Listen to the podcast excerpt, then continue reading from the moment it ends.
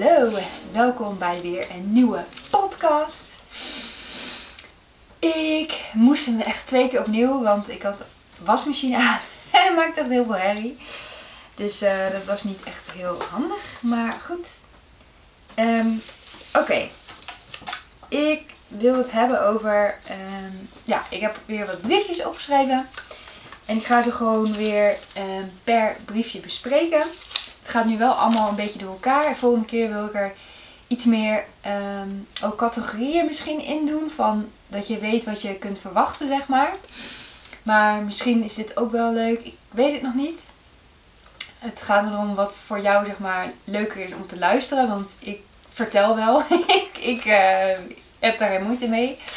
Maar ik wil het vooral interessant houden voor de luisteraar. Dus daar moet ik nog even mee bezig. Maar goed, eh, niet eh, super interessant. In ieder geval, daar ben ik over aan het nadenken. Wat ik nog had opgeschreven, wat ik nog wilde vertellen.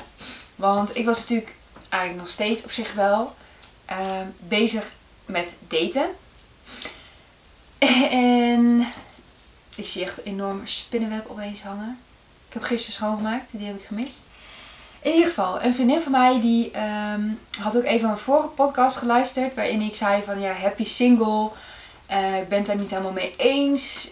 Want ik denk eh, dat zeg maar als mens ben je ervoor gemaakt, denk ik, om in ieder geval romantische connectie aan te gaan. En met hoeveel en wie en weet ik veel wat, dat, dat, dat moet je natuurlijk zelf allemaal weten. Maar ik denk niet dat je ervoor bent gemaakt om altijd alleen staand te zijn, zeg maar. En zij zei van, nou, maar ik heb echt wel momenten gehad dat ik echt wel happy single was. En dat geloof ik ook eigenlijk wel. Dat, dat, eh, dat vind ik ook, dat er wel momenten zijn waarop het gewoon fijn is om vrijgezel te zijn. En ehm, ja, soms is dat gewoon wel fijn inderdaad. Dat, dat geloof ik ook wel. Het is niet dat je, als je vrijgezel bent, ben je per definitie ongelukkig. Dat wil ik helemaal niet zeggen. Want er zijn echt super veel, veel mensen vrijgezel. Dus ehm, daar niks over. Over eh, ja, in ieder geval. Ik weet niet, ik kom er weer niet uit.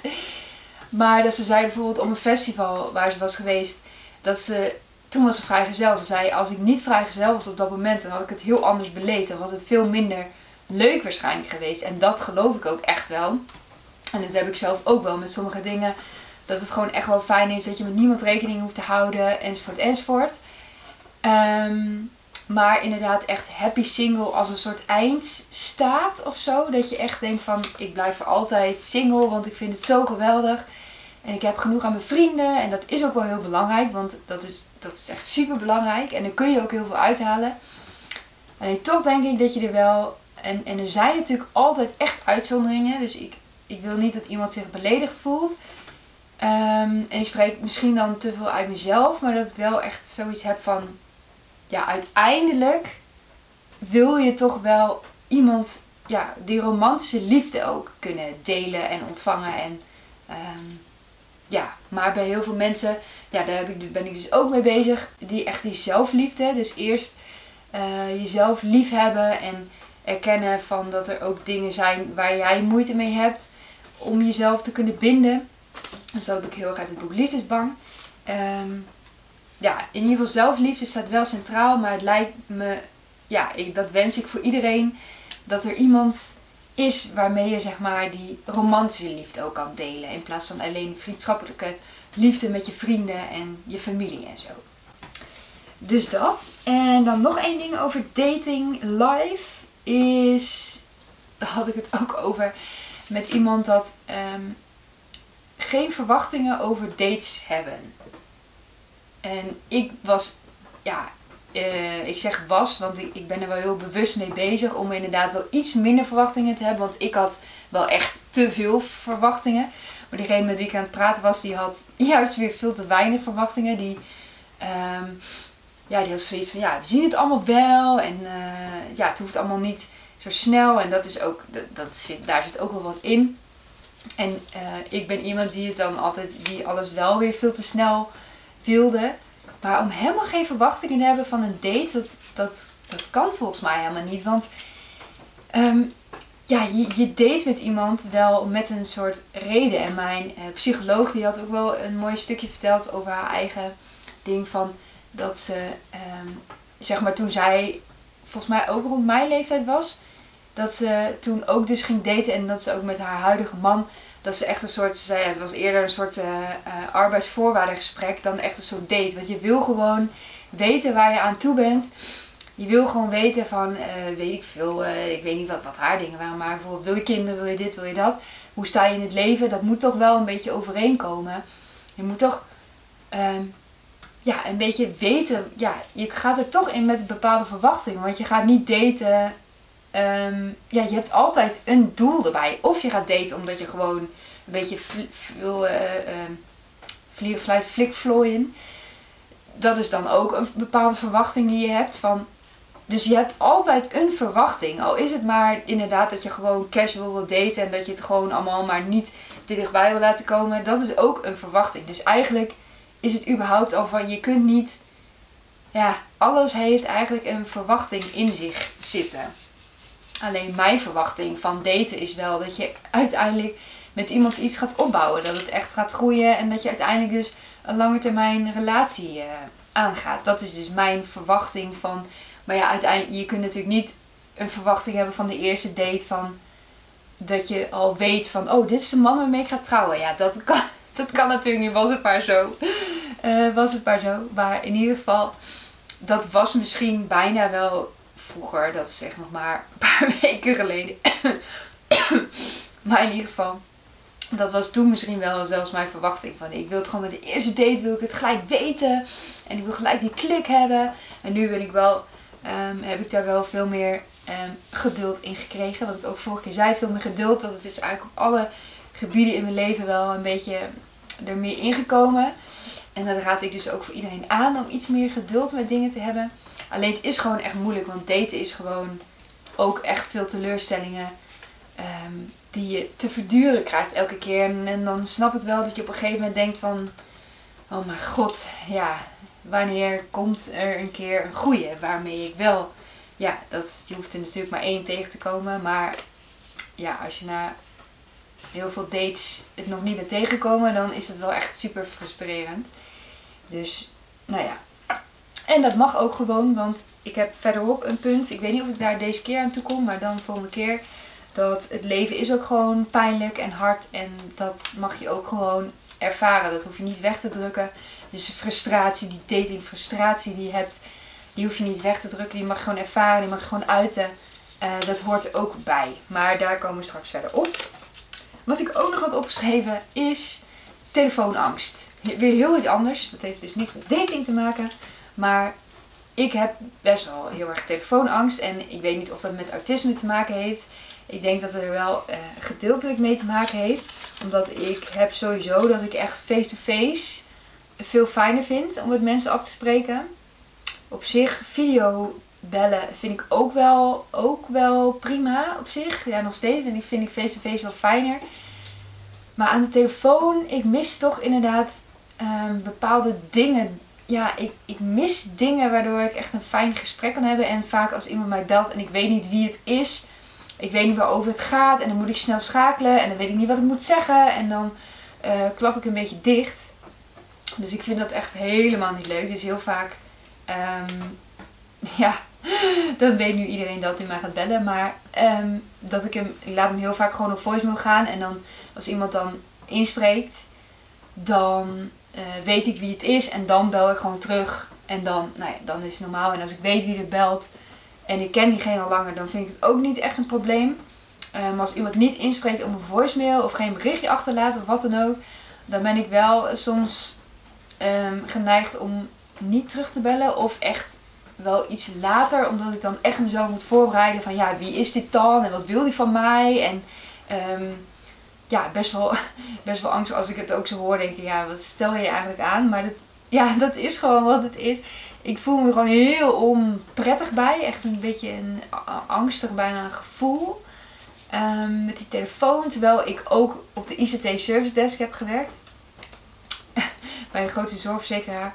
En daar belden dan de interne collega's. Dus dat, um, dat maakte dat ik het wel, zeg maar, dat ik dacht van, oh ja, dit kan ik wel. Omdat het de interne collega's waren en niet, zeg maar, externe klanten die, um, um, ja, de collega's, daar kun je nog mee, zeg maar, ook daarna nog een berichtje sturen en dit en dat. En dan heb je zeg maar meer een connectie mee dan met wildvreemde klanten die je dan moet helpen. En ehm, ja, ik weet niet, dat was toch wel weer anders. En uiteindelijk weet je ook zeg maar welke vragen er binnenkomen. In het begin vond ik het ook heel spannend van ja, wat gaan ze dan vragen? Maar je krijgt natuurlijk een soort uh, ja, je wordt natuurlijk ingewerkt in de dingen die voor kunnen komen. En er zijn allemaal schema's en er zijn collega's die je kunnen helpen als je het even niet weet. Um, en op een gegeven moment dan weet je wel, zeg maar, dan zijn er altijd wel standaard vragen. En dan weet je wel van wat je moet doen. Dus dat is dan ook weer anders. Um, ja, maar ja, die telefoonangst, ja, het houdt me soms ook best wel tegen. Want ik wil dus uh, gaan solliciteren. Ik heb wel uh, een grote doorbraak gehad. Want ik wil de studie tot ervaringsdeskundige zorg en... Eén optie is Studieclub Schilders Deventer en Omstreken, SCS. Wat? Stop! Siri, die ging aan. Handig. Maar in ieder geval, ik wil de opleiding tot ervaringsdeskundige gaan volgen bij de HVA. Alleen eh, om me daarvoor in te schrijven, het begint in september. Associate degree van twee jaar deeltijd. Alleen voordat je dus kan inschrijven, voor mei moet dat dit jaar, moet ik dus een, of moet, ja, nou ja, dat wil ik dus ook, een werkplek of stageplek, ja, werk even iets, iets met een plek in de geestelijke gezondheidszorgsector van 16 uur per week omdat je ook heel veel dingen gaat toepassen in de praktijk. En je moet natuurlijk ook praktijk weer meenemen naar de opleiding. Enzovoort, enzovoort. Maar goed, ehm ja, dat is wel echt een ding voor mij. Ik bedoel, um, ja, dan moet ik opeens op zoek naar, een, um, naar die baan. En ik hoef echt niet een, een volledig salaris, maar ik ga er wel voor dat ik in ieder geval minimumloon en reiskostenvergoeding ga vragen. Omdat ik, nu heb ik zo van mezelf vroeger, vroeger, voordat ik begon aan mijn zoektocht naar geluk, zoektocht naar mezelf was ik echt van, nou, ik mag blij zijn dat ik uh, überhaupt wat aangeboden krijg. En dan neem gewoon alles aan. En ook al is het gratis, maakt me niet uit.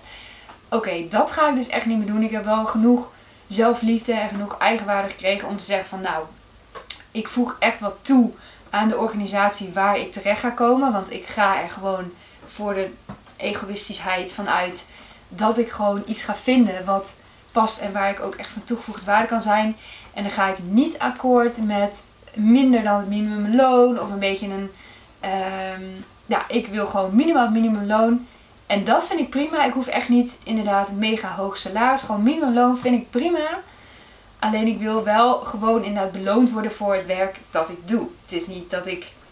Um, ja, ik, iedereen moet nog leren. En het is niet zo dat ik geen werkervaring heb. Ik heb meer dan drie jaar werkervaring. Dus het is niet zo dat ik niet nog nooit heb gewerkt of wat dan ook. Dus ik vind wel dat ik minimum, nou, minimaal minimumloon kan vragen. Dus dat vind ik wel, daar ben ik wel echt heel trots op. Dat ik dat heb ge, um, ja, gezegd en dat ik dat nu ook zo uitspreek. Want ik weet gewoon dat er bedrijven waarschijnlijk zijn die denken: oh, dat is lekker makkelijk. Weet je, ze heeft dat nodig voor haar opleiding. En weet je, als ik niet kan vinden, dan, dan weet ik ook, ja, dan ga ik voor volgend jaar of wat dan ook. Dat maakt mij niks uit. Maar ik ga niet mijn uh, ja, dat opgeven. Dat wat ik dus heb, dat ik dus vind dat ik het waard ben om betaald te krijgen voor het werk dat ik doe. Um, en ik was natuurlijk, ik, ik ben nu hier uh, om mezelf, om echt voor dat werk daar een plan voor te maken. Dat wilde ik de komende weken doen. En misschien is dit dus het setje in de rug dat ik nodig heb om echt uh, ervoor te gaan. Dus ik wil volgende week of de week daarna wil ik ook op LinkedIn een video gaan zetten met mijn oproep. En mocht jij deze podcast luisteren of zien en je weet iets van hé, hey, daar moet je even naartoe gaan. Of daar moet je even, nou nu even, kan niet naartoe gaan, maar in ieder geval met die en die moet je even contact opnemen. en daar helpt dus mijn telefoonangst niet echt bij. Als mensen mij willen bellen, vind ik dat best wel spannend. En ik weet ook wel dat ik er doorheen moet. Uh, maar het blijft mijn hele leven. Het, het blijft gewoon. Het is niet dat hoe vaker ik het oefen. Want het is er nog steeds. En ja, ik denk ook niet dat het weggaat. Um, maar dat is dus. Maar als ze me zeg maar. Als ik van tevoren al via de LinkedIn chat of weet ik veel erg op een andere manier ook contact heb gehad. En daarna bellen. Of op de koffie gaan. Dat, dat vind ik helemaal geen probleem. anderhalf meter natuurlijk. Ehm, maar in ieder geval, ik ga ervoor. Dus dat was eigenlijk wat ik wou zeggen. Dat ik dus, eh, de, ik heb in ieder geval besloten dat ik die opleiding wil gaan doen. En dat ik ervoor ga om het dus voor mij die uh, werkplek te vinden. En dat is voor mij ook echt weer een stap richting financiële onafhankelijkheid. Want nu ben ik echt heel erg financieel afhankelijk. En dat is ook een van de redenen dat ik dus geen gratis, geen onbetaalde stage of wat dan ook wil um, nemen. Dat ik dat niet accepteer. Omdat ik dan nog steeds niet dichter bij mijn financiële onafhankelijkheid ben. Kijk, ik snap wel dat het ook een investering is van mezelf. Om dus uiteindelijk financieel onafhankelijk te zijn. Maar het is mij nog, toch, toch nog te onzeker. Uh, twee jaar lang hè. Dus als ik twee dagen 16 uur is twee dagen. Zijn twee dagen, als ik dat onbetaald zou doen, zijn twee dagen waarin ik dus niet wel kan werken. Dus op die manier, ja, die financiële onafhankelijkheid, die komt er dan dus in twee jaar nog niet. En ik was wel van plan om zeg maar eind dit jaar dat wel voor elkaar te krijgen. Dus um, ja, wat dat betreft past het ook in mijn langere termijn doel. Uh, nou, in ieder geval genoeg redenen. En ik vond de eigenwaarde reden vond ik het allerbelangrijkst. Want dat straal je ook uit. Dat je echt vindt dat je het verdient. En um, ja, minimumloon voor iemand met een Master of Science is ook echt niet veel. Dus daar lever ik al iets in. Vind ik zelf. Omdat ik ook vind dat ik dus ook nog wat te leren heb. En dat ik ook die, die plek nodig heb om uh, die studie te kunnen doen. Dus ja, ik wil er best wel iets voor inleveren. Maar niet, um, niet, zo, ja, niet zonder mijn eigen waarde te benadelen. Ja, ik weet niet of dit goed zei, maar in ieder geval. Um, ja, het begon met telefoonangst. en het eindigt met dit. Um, nou ja, in ieder geval, mocht je tips hebben, dan hoor ik het graag. En anders dan uh, hou ik je, ik hou je sowieso op de hoogte van mijn, uh, van mijn zoektocht natuurlijk. Hoe het gaat en zo. Oké, volgende punt. Ja, dat gaat dus over um, wat ik ook volgens mij wel eens heb gezegd. Van vaak weet je wel van binnen, diep van binnen wat je wil. Alleen kan je er gewoon niet echt bij. En dat hebben denk ik best wel veel mensen. Dat ze eigenlijk wel weten van dit, dit wat ik nu doe, dat, dat is eigenlijk niet voor mij. Dat past eigenlijk niet bij mij. Dat wil ik eigenlijk helemaal niet. En dan weten ze zogenaamd niet wat ze wel willen. Terwijl ze weten het wel. Maar er zit zeg maar zo'n blokkade op omdat je niet denkt dat je het waard bent. Omdat je niet denkt van daar kan ik geen geld mee verdienen. Of ja, alle redenen waarom je uiteindelijk soort van verdrukt. Pas als je echt inderdaad in die zelfontwikkeling gaat. Dan kom je er uiteindelijk met allerlei oefeningen en met hulp en met gesprekken en inzichten. Kom je er uiteindelijk achter van ja, dit is wat ik wil en zo wil ik het ook gaan doen. Als je dus echt uh, daar iets mee wilt doen. Want ik vind wel als je ergens ongelukkig in bent of je bent ergens niet blij in, dan vind ik ook dat je er iets mee moet doen, zeg maar. Want ja, je kunt wel blijven klagen en blijven het, of als je niet klaagt, dat je het in jezelf heel erg opneemt en dat je uiteindelijk dus, of tegen een burn-out of depressie of wat het dan ook is. Maar als je, er, als, je, als je er sowieso mee rond blijft lopen, dan komt er ook sowieso een moment dat, je, dat het niet meer gaat. En sommige mensen houden heel lang vol en sommige helemaal niet. Zoals, zoals ik. Nou, ik heb het heel lang volgehouden. En nu opeens heb ik het niet meer, denk ik van nee, ik ga dit niet meer doen. En het is ook gewoon zo dat als je dus niet weet wat je wil en ja, je bent wel op onderzoek uit en dat heb ik ook wel, dat je moet ook ergens beginnen. Dus um, ja, ik heb dat ook wel, dat het echt wel geblokkeerd was van ja, wat wil ik nou? En Um, ik wil ook iets heel anders dan de psychologie. En uh, naast die opleiding tot ervaringsdeskundige wil ik ook nog bezig met mijn beleefkracht. Waaruit ik ook deze podcast maak. Om uh, meer in de uh, kunst en woorden. Um, ja, leuke pakketten die ook kunnen ondersteunen in jouw eigen zoektocht naar geluk. Maar daarover komt later meer, want daar ben ik nu nog ja, echt een beetje in de beginfase in. Maar, want ik was daar ook nog een beetje van, ja, eh, wat wil ik nou en dit en dat. Maar ja, het moet ook maar ergens gewoon beginnen. En vanuit daar, daar heb ik het vorige keer ook over gehad. En vanuit daar ga je weer verder met je dingen. Want als je niet begint, dan leer je daar ook niet van. Je leert pas als je echt iets gaat ondernemen en iets gaat doen. En dat je denkt van, oh ja, dit, dit is het of dit is het niet. Nou, dan kun je het weer bijstellen, nou enzovoort, enzovoort. Maar heel vaak denk ik toch wel dat je stiekem diep van binnen wel weet wat je wil. Alleen dat je het gewoon niet durft uit te spreken. En soms durf je niet eens aan jezelf toe te geven van dit is wat ik wil.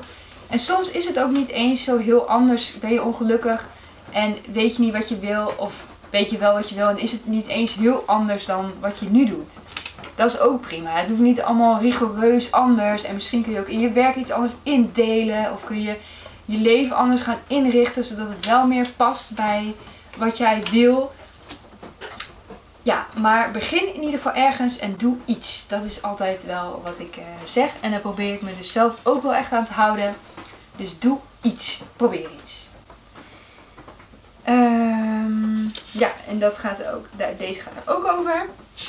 En wat ik ook wel mooi vond uit het boek van Liefdesbang, daar haal ik ook wel inzichten uit die zeg maar niet per se met liefde te maken hebben. Maar daar zag ik dus in staan welke innerlijke stem volg ik. Dus je hebt natuurlijk verschillende um, innerlijke stemmen. Zo klinkt het net alsof je meerdere persoonlijkheden hebt. Nou, misschien is het ook wel zo. Want je hebt natuurlijk ja, heel veel mensen die hebben echt een extreem kritische stem. Die je zelf neerhaalt en die je zelf um, wil beschermen door dus niet die dingen te proberen die je dus eigenlijk wil. Omdat je, ja, dat is natuurlijk een beetje onveilig of dat voelt onveilig. Dus ja, je hebt stemmen die je tegenhouden van nee, dat kun je niet, dat ben je niet waard. Uh, nee, daar kun je geen geld mee verdienen. Of uh, nee, dat vind je niet leuk. Of dat, dat is het niet, bla bla bla. Nou, weet ik veel wat die stemmen allemaal tegen je zeggen. Dus per persoon verschillend. Maar je hebt ook je innerlijke stem, die wel zeg maar, die bijvoorbeeld, die van mij met die eigenwaarde, dat die zegt van Sanne, je gaat erop uit en je gaat laten zien wat je wil. En je gaat wel ook uitstralen dat je daar ook voor beloond wil worden. Omdat je dat gewoon, omdat je dat verdient. Omdat dat iets is um, wat dus ook past bij mijn lange termijn doel van die financiële onafhankelijkheid. En ik weet gewoon dat als ik dat niet volg, dat ik me dan vaak ook een beetje uh, ja, misbruik. Dat klinkt wel zo heftig, maar um, dat ik dan vind dat bedrijven heel snel misbruik maken van mensen die dus een plek nodig hebben. En dat ze denken van ja, maar jij hebt het nodig, dus wij kunnen wel wat eisen, natuurlijk. Alleen ik kan ook wat eisen, want ik ben ook wat waard. Dus welke innerlijke stem volg ik? Ik vond het wel echt een heel mooie, mooie vraag om jezelf te stellen. Van waar, waar luister ik naar? Luister ik naar de angst ehm, die me tegenhoudt? Of boosheid of wrok of zo? Terwijl wrok is echt, ja, heeft eigenlijk geen enkel nut. Maar dat is ook weer een heel ander verhaal. Maar of luister je dus naar je innerlijke stem die heel liefdevol voor jezelf is en die ook weet wat je waard bent. En die ook die waarde heeft ge, uh, ja, waarde in het leven die jij belangrijk vindt. Dus ik vind eerlijkheid belangrijk. Ik heb er dus inderdaad een hekel aan als bedrijven dus misbruik maken van... Um, ja, en ik snap ook wel dat bedrijven geld moeten verdienen en dat dat zo werkt natuurlijk. Ik snap dat echt wel. Ik ben, uh, ik ben niet dom in ieder geval. Maar ik vind dus wel uh, nou, ik vind rechtvaardigheid dus belangrijk. Dat is bijvoorbeeld een waarde die ik heb. En die innerlijke stem, die kan je dus leiden naar wat helpt bij rechtvaardigheid. Of ja, die kan je heel klein houden.